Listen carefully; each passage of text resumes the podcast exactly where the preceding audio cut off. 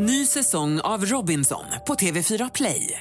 Hetta, storm, hunger. Det har hela tiden varit en kamp. Nu är det blod och tårar. Fan händer just nu. Det. är Detta är inte okej. Robinson 2024, nu fucking kör vi! Streama söndag på TV4 Play. Podplay. Polarbröd varslar. Nej, det har jag också tagit med här. Polarbröd varslar. Ja, men grejen är den att eh, det har varit bankkrasch nu ju. Tre amerikanska banker har gått under på en vecka och det ekonomiska systemet det skakar ju. Och här i Sverige blir krisen supertydlig när det som inte får hända har hänt. Och det är ju att Polarbröd varslar 23 medarbetare. Ja, det som var lite märkligt med det här tyckte jag var uttalandet för Pol- Polarbröds vd Anders E Johansson. Han sa då i det här pressmeddelandet eh, som vi gick ut med och jag tycker att det var ett märkligt citat, men kanske stämmer det. Han sa inte ens Polarbröd står opåverkade av det som händer i omvärlden just nu. Ja, men det där håller jag med om. Alltså, det vad ändå- menar han? Vad skulle Polarbröd inte, alltså det vill säga så här, Polarbröd, det skär inte folk ner på när de får mindre pengar i plånboken. Nej. Men till och med det. Ja, det är det som skrämmer mig. Va? För att de har ju, Polarbröd har precis repat sig efter den här fabriksbranden som gjorde att de inte kunde ha fullt sortiment under lång tid. Vi sörjde minst sagt, vi barnfamiljer. Och liksom, nu varslar de människor och då tänker jag att jag säger inte det här som ett skämt. Jag uppmanar dig som lyssnar att köpa mer Polarbröd för det är ju det finaste vi har. Och jag kan tänka mig en framtid utan banker. Jag kan fan inte tänka mig en framtid utan Polarbröd. Nej, men om inte ens Polarbröd står opåverkade av det som händer i världen, hur ska då vi göra det? Nej, det- Vi är lika påverkade. Ja. Eh, men vi sänder fortfarande. Det är torsdag den 23 mars. Det här är The Daily Messiah, ditt nyhetsflöde. Häng med!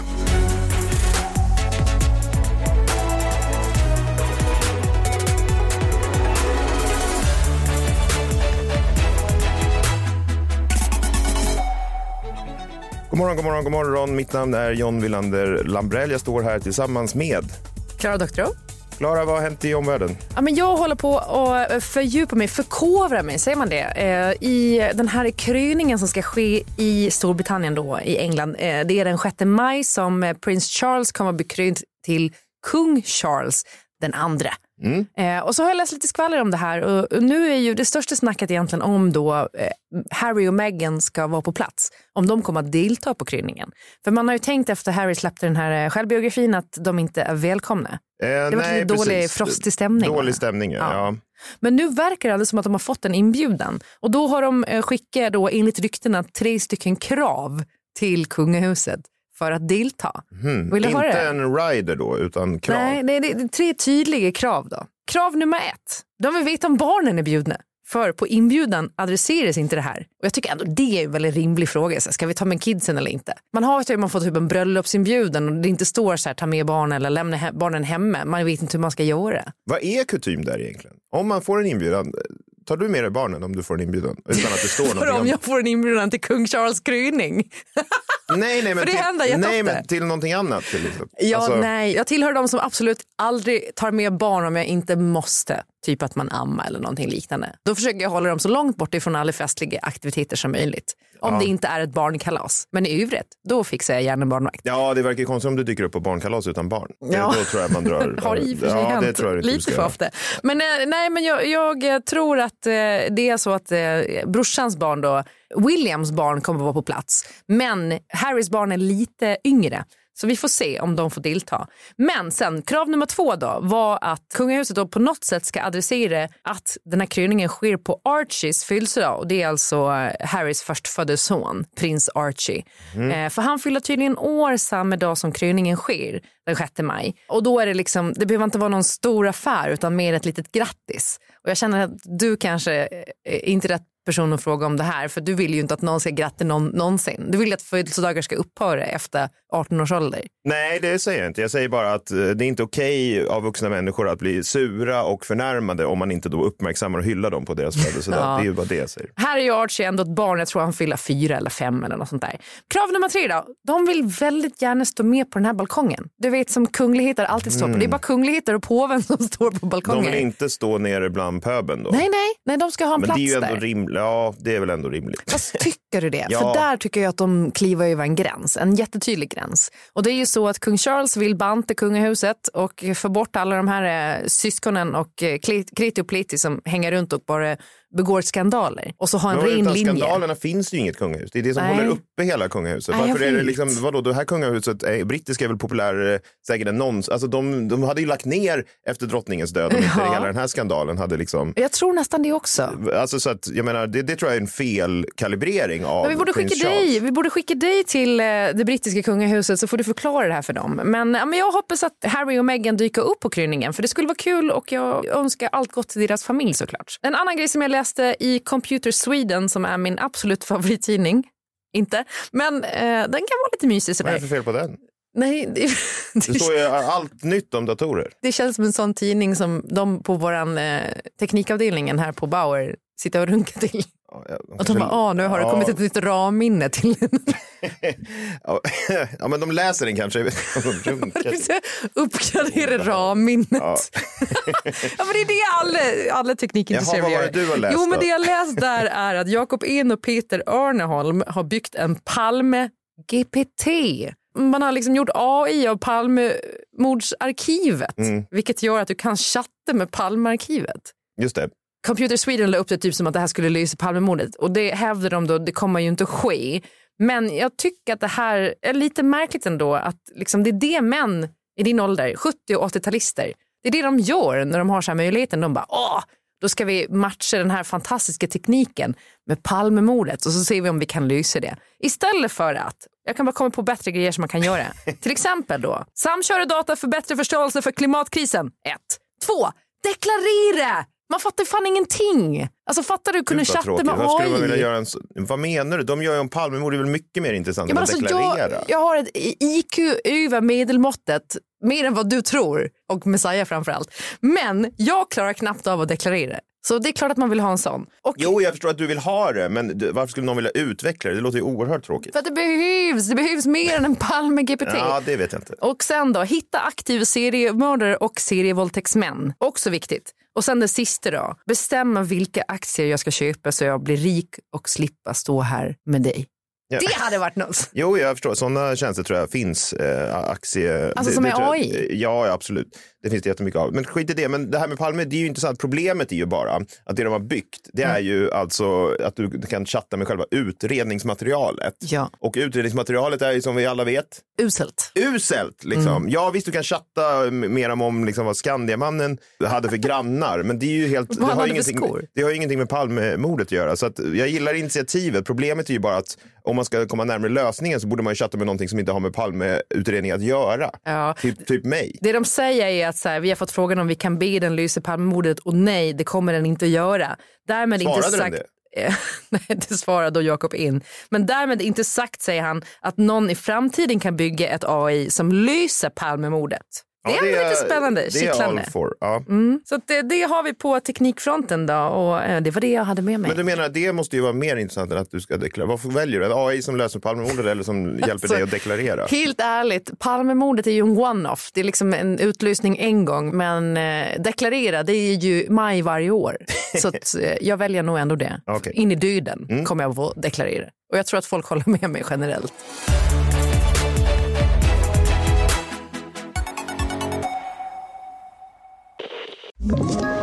Ett poddtips från Podplay. I fallen jag aldrig glömmer djupdyker Hasse Aro i arbetet bakom några av Sveriges mest uppseendeväckande brottsutredningar.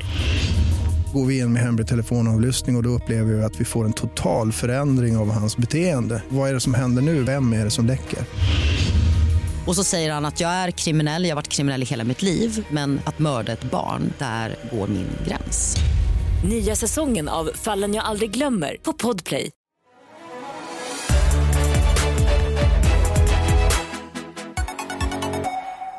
På tal om döden.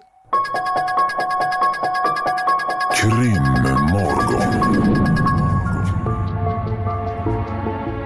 Ja, tyvärr så måste vi prata om döden lite då och då. För det är ju så att människor mördas och eh, i den bästa världar så får gärningsmannen stå till svars för det. Men tyvärr lever vi inte i den bästa av världar. Kanske lever vi i den sämsta av världar. Eh, idag ska vi prata om eh, ett oerhört obehagligt fall som kallas för eh, The Evansdale Murders. Eh, har du hört talas om det, Klara? Nej, inte vid namnet sådär. Nej, eh, det är ett fall som på många sätt liknar ett annat fall som jag vet att du har hört talas om. Eh, men vi ska återkomma lite grann till det. För på morgonen fredagen den 13 juli 2012 så lämnas kusinerna åttaåriga Elizabeth Collins och tioåriga Lyric Cook Morrissey av hos deras farmor i staden Evansdale i Iowa i USA. För nästan tio år sedan alltså. Den här Evansdale då, det är en stad med ungefär 5 000 invånare, lite så klassiskt alla känner alla-samhälle. Det här var en varm sommardag och vid tolvtiden på dagen bestämmer sig de här två flickorna för att ta sina cyklar och cykla iväg till den närliggande sjön Myers Lake. Och då cyklar man genom en sån här äh, led, en sån här cyklingsled. Liksom. Mysigt. Ja, visst. Men när flickorna inte kommer tillbaka en timme senare så blir farmor orolig.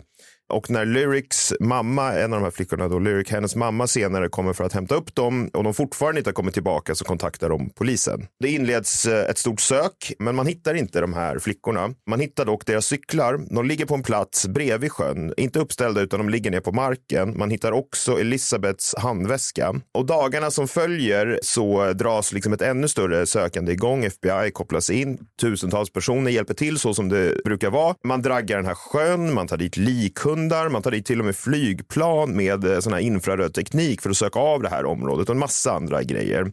Men man hittar inga mer spår av flickorna eller tecken på vad som kan ha hänt dem. Så man börjar prata med vittnen då. Det är liksom någon som har sett de här flickorna och det är några som har gjort det då. Ett vittne, en man som bodde i närheten, sa att han såg flickorna åka förbi eh, hans hus på sina cyklar mellan 12 och 13 tiden ungefär då där de lämnade sin farmor. Han stod och vattnade i sin trädgård när han såg dem cykla förbi och ett annat vittne, en manlig cyklist, hörde också av till polisen och sa att eh, han hade sett två cyklar ligga på den här leden då. Och eh, det som var intressant med honom då var för att han hade ringt sin dotter precis efter det. Så man kunde se då på hans mobil när samtalet var loggat, var. vilken tid han ringde. Ja. Så man kunde då liksom snäva av det här att klockan var 12.26 och deras farmor hade sagt att de cyklade iväg från henne typ 12.15. Man snävar av ganska snabbt i tid när de måste ha försvunnit. Man kom- Kort alltså tidsspann Ja, där. exakt. Väldigt kort. Och man kommer också över en övervakningsfilm från ett, eh, någon slags loppis typ. Och på den här övervakningsfilmen så ser man flickorna cykla förbi precis vid den här tiden då mot den här cykelleden till sjön. Det är bara de två, man ser ingenting annat och det ger liksom inget mer än så och ingenting händer. Så vi får spola fram till fem månader senare, den 5 december 2012. Då är några jägare ute i ett område som heter Seven Bridges Wildlife Area. Det ligger några mil från det här Evansdale eh, där de har försvunnit då och det är ju ett Ja, men man är ute och jagar där. Wildlife area, det är liksom, vad fan heter det på svenska? Jaktmark. Ja, jaktmark och Äh, liksom. Du menar naturreservat? Ja, typ? något sånt liksom. Precis, naturreservat. Det är inte så många som bor där, utan det är så här, där är man ute i, och, och liksom går i naturen och jagar och sånt. Och de här jägarna då hittar två barnkroppar som senare visar sig vara Elisabeth och Lyric, tyvärr. Då drar ju liksom eh, mordutredning igång, växlar upp. Det går ifrån att vara då ett missing person case till en aktiv mordutredning. Och direkt börjar polisen intressera sig för en av flickornas pappa, Lyrics pappa Dan Morrissey. För han satt vid den här tiden i fängelse och inväntade en rättegång. Han hade då tillverkat och sålt metamfetamin. Är det det de gör i den här Breaking Bad? Ja, Ja, meth. Crystal meth. Crystal meth, precis. Han hade något eh, crystal meth labb då och väldigt kort tid efter det här så blir han dömd också för det här till 90 år i fängelse. Det är saftiga straff alltså för att tillverka knark i USA, Ja, 90 verkligen. år. Ja, men det är väl inte så konstigt då att polisen börjar titta närmare på honom. Man misstänker då att hans kriminella liksom, aktivitet kan ha med mordet att göra. Man kan ganska snabbt konstatera att han är inte mördare, han befann sig eh, långt därifrån, han har alibi. Men det man tänker är och det man tror är att någon kanske har kidnappat hans dotter som hämnd. Okej. Gud, det där lät alldeles för glatt. Nej men ja, okej. Sjukt. Ja, alltså att han var skyldig någon pengar eller någonting sånt där. Och ja, de börjar titta åt det hållet. Man börjar öka pressen på pappan. Man riktar in alla sina utredningsinsatser på pappan då och hans, ja, både hans umgänge och då eventuella fiender som man väl kanske får då om man tillverkar eh, crystal meth.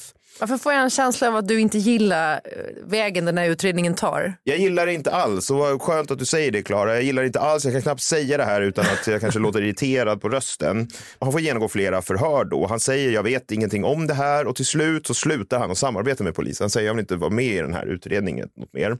Och det tycker ju polisen är misstänksamt då. Varför inte? Och ja, jag kan ju säga redan nu att det där är fan helt fel. Det där har ingenting med det här att göra, tror jag i alla fall. Polisen har inte gått ut med hur flickorna dog. Man har heller inte gått ut med hur länge de varit döda när de hittades och så vidare. Och det här fallet är fortfarande olöst tio år senare nu. Det här var ju eh, juli 2012. Och jag menar att två personer försvinner så här mitt på dagen och hittas mördade är ytterst ovanligt. Alltså ytterst, ytterst ovanligt. Speciellt två unga flickor. Och ja, alltså, jag vill ju inte berätta för Iowa-polisen hur de ska göra sitt jobb. Men Men jag har i alla fall två konkreta tips och båda har att göra med ett annat fall.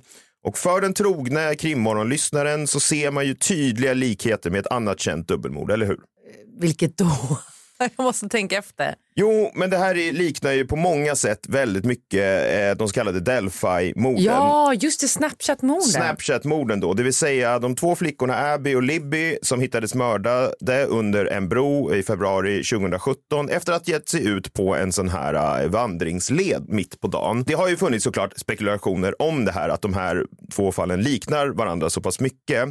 Många skriver till och med på sådana här forum då och har gjort en grej av att Delphi-morden skedde datumet 13 2 17 och Evansdale-morden 13 17 12. Ett sifferanagram då. Det där, jag ger inte mycket för sånt där, men jag tycker att det finns betydligt mer intressanta likheter. Det är alltså två vita unga flickor försvinner efter att de har gett sig ut på en så kallad trail mitt på dagen. En led då, cykelled, en vandringsled i Delphi-fallet och en cykelled i Evansdale-fallet. Och du säger att Delphi i Indiana Ja, precis. och det här är Iowa och de ligger väl ändå nästgårds de staterna? Ja, det är sex timmars bilresa mellan de här två eh, Ja. städerna.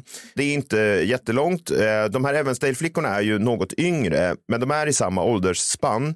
Båda verkar ha tagits som någon annan än en familjemedlem. Det vanligaste är ju när barn dör att familjemedlemmar ligger bakom. Eh, men här verkar det inte så. Och i båda fallen hittas kropparna också i ett eh, skogsområde.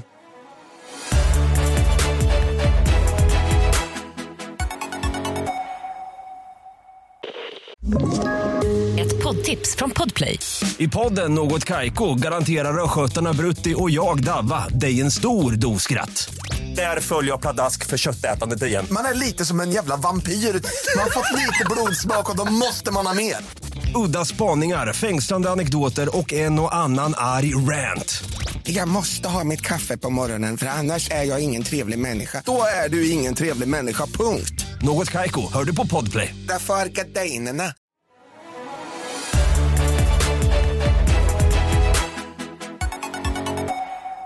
Ja, vad är mina tips då? Ja, för det första så är det ju såklart att noggrant kolla upp en man vid namn Richard Allens förehavanden i juli 2012, eller hur?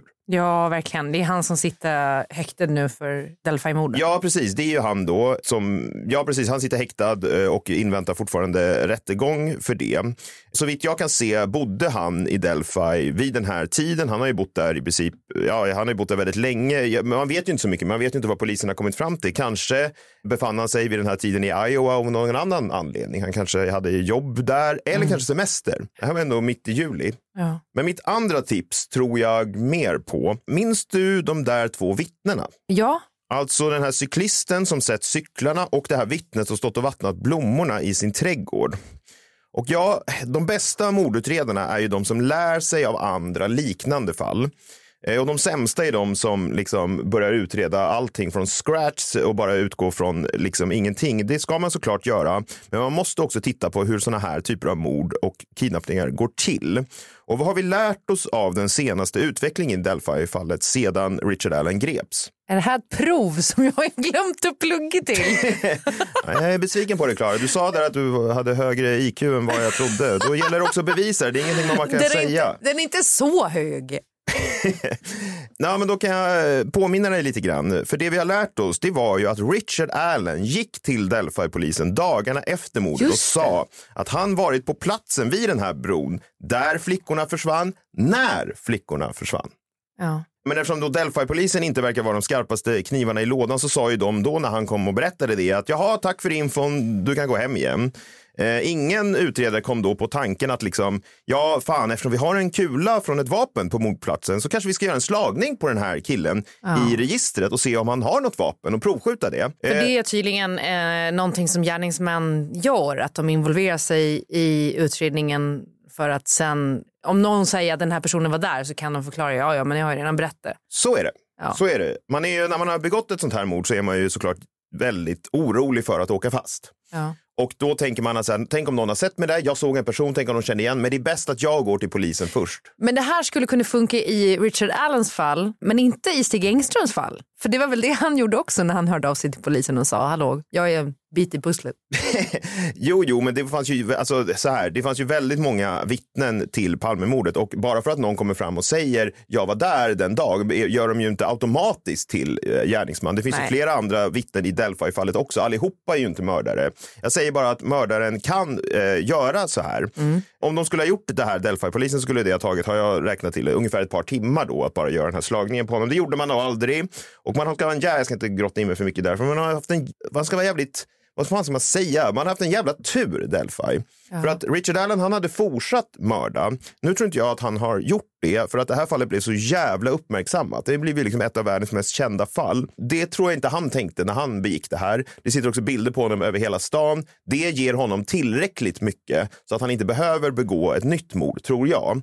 Därför har han inte gjort det. Hade det här fallet inte blivit så uppmärksammat och Delphi misslyckats med att bara göra de här enkla utredningsinsatserna, då tror jag att Richard Allen hade mördat igen och då hade Delphi-polisen fått ha det på sitt samvete. Och jag hoppas verkligen att Evansdale-polisen varit skarpare och noga utrett de här två vittnena. För det här är alltså de personer, en säger att han bara sett cykeln, en annan person säger att de här två tjejerna, eh, flickorna, cyklade förbi min trädgård. Det kan vara liksom så som han säger, men för mig skriker det huvudmisstänkt. Det skriker huvudmisstänkt. Hoppas man har kollat upp honom noga. Jag vet inte, de håller ju sina utredningsinsatser eh, liksom nära västen. Man har inte gått ut med så mycket. Nej. Och ja, jag skulle kunna beskriva en, en gärningsmannaprofil. Vi brukar ju prata om gärningsmannaprofiler här vid olösta fall. Men här är den, liksom Richard Allen. Okej. Det är gärningsmannaprofilen. Så det kan vara en som lever ett vanligt familjeliv och eh, välkänd i orten och förmodligen har träffat föräldrarna och allt det där. Ja, absolut. Eh, Richard Allen var ju 44 när, man, när han då eventuellt begick Delphi-morden. Då. Jag tror att det är lite åt det högre hållet. Gärningsmän som begår den här typen av brott brukar vara lite yngre. Men jag tror som du säger, han bor i området. Det är jag liksom helt övertygad om. Jag tror att han kanske har fått syn på de här flickorna när de cyklade runt och då bestämt sig för att ta dem. Men jag tror också att det finns en chans att han pratat med flickornas farmor innan. Förstår du vad jag menar? Alltså om han är den personen som jag misstänker, det vill säga en person som bor i stan. Det var ju bara 5 000 personer i den här stan. Jag tror att han kanske då känner eller är bekant med den här farmorn. De är liksom antingen grannar eller så, ja, du vet, man känner till varandra. Jag tror kanske att den här farmorn har sagt att hennes två barnbarn ska komma och besöka henne. Okej, Till honom. så Hanna vet om det. Du vet, man träffar någon i butiken, man står och pratar Ja, lite. Speciellt om man är amerikan Jag då, tänker som bara pratar om det, allt möjligt. precis det där fönstret när de försvann är så jävla kort. När du sa det så tänkte jag att det måste vara någon som haft koll på när de har i stort sett cyklat hemifrån. Ja, alltså det är otroligt kort och det här är också en solig, varm sommardag. Eh, I Delphi-fallet så är det ju den här platsen där de försvann ju, ligger ju ganska off och inget ställe där man liksom springer runt en tisdags eftermiddag i februari. Däremot det här området, det är liksom en sjö i juli. Det borde vara ganska mycket folk där, så det här är också ett oerhört riskabelt brott att begå. Så jag lutar nog åt att han har fått info av den här farmorn att hon ska få besök av sina två eh, barnbarn. Och eh, ja, eftersom han är den som jag tror att han är, en liksom så pedofil sexualsadist, så tror jag att han har bestämt sig för att bevaka hennes hem den här dagen och sen följt efter flickorna. Så kan det vara. Det kan också vara att de bara cyklat förbi någons trädgård som har sett de här och liksom tagit, eh, bara gjort det här då, fått för sig det i stunden. Sådana här mord brukar vara lite mer planerade. Det tror jag också kommer komma fram med Richard Allen. Att han bara sprang runt med ett vapen där en tisdags, efter, tisdags eftermiddag ute i Delphi. Det, jag vet, jag har bara svårt att se det. Ja. Jag tror att den här personen i Evansdale, likt Richard Allen, har en vapenlicens och att det är så han kunnat kidnappa de här två flickorna. Jag tror att han sedan tagit med dem till det här området där de senare hittades. Det låg ett par mil bort, det här uh, Seven Bridges Wildlife Area. Motivet är sexualsadistiskt och eh, jag tror att flickorna också har dött inom bara ett par timmar efter att de försvann. Så brukar det vara. Ja. Och jag vill bara liksom, snälla Evansdale-polisen, Gör inte samma misstag som Delphi-polisen gjort. Och om ni redan har gjort det, vilket de kanske har gjort, det, det har ändå gått tio år och ingenting har hänt, se då till att lära er av deras misstag. Nu vet vi vad de begick för misstag. Gör inte, begå inte samma misstag ni. För Elizabeth och Lyrics skull. Alltså fy fan, som förälder också. Det är liksom en största skräck. Och att den där sommaren, 2012, då gick jag och väntade mitt första barn, en dotter, som vi gick och bar och skulle föda precis. Det är ju fan... Ah. Ja, menar du att det fanns någon koppling till? Eller mer bara... Det är ingen Nej. koppling. Det Okej. är mer att jag är öm och eh, till skillnad från dig som bara verkar se liksom det rent teoretiska så förstår jag också liksom empatin med föräldrarna. En moder som förlorar sin dotter. Verkligen inte. Jag ägnar stor del av min tid åt att kämpa för eh, anhöriga och för då felaktigt utpekade, ofta föräldrar Ja. i fall där, som har blivit utpekade och som fortsätter att utpekas av eh, kriminalreportrar i svensk media, utländsk media och massa andra jävla tyckare. Mm. Eh, jag vill stå på rätt sida av sanningen och jag Du vet att du låter enormt autistisk när du säger det när du har det där. Ja, ja, skitsamma. Jag bara säger att så här, Evansdale-polisen, eh, de lyssnar ju såklart inte på det här, men jag blir så jävla förbannad på de här eh, polisutredarna som liksom inte kan göra simpla utredningsinsatser. Och om man är så tappad att man inte kan göra det så kan man väl i alla fall se när någon annan har misslyckats Ja. och i alla fall lära sig av det. Jag hoppas att Evansdale-polisen gör det. Jag hoppas att de löser det här fallet. Det är inte liksom, rimligt att det ska vara olöst. Nej. Och eh, om en vecka är vi tillbaka med något annat eh, orimligt fall, kanske. Men vi är tillbaka redan imorgon. Kan jag få önska då att vi har en lite paus från barn, eh, flickor som dör? Ja, absolut. Nej, men det kan, jag, det kan jag faktiskt lova. Eh, Jag vet faktiskt Kan redan... vi inte ta någon man som dör nästa, Nej, nästa men ett torsdag? steg i taget. Eh, Jag har ett fall i tankarna inför eh, nästa torsdag. Det är ett av, ja, alltså det är ett av historiens mest uppmärksammade kalla fall och eh, det tänkte jag vi ska prata om nästa torsdag. Hoppas ni är med oss då. Hoppas ni också är med oss imorgon. Då är det fredag. Ja. Då blir det allt helskoj som ni är vana vid. Tack för att ni har lyssnat idag. Vi hörs imorgon. Hej då! Hej!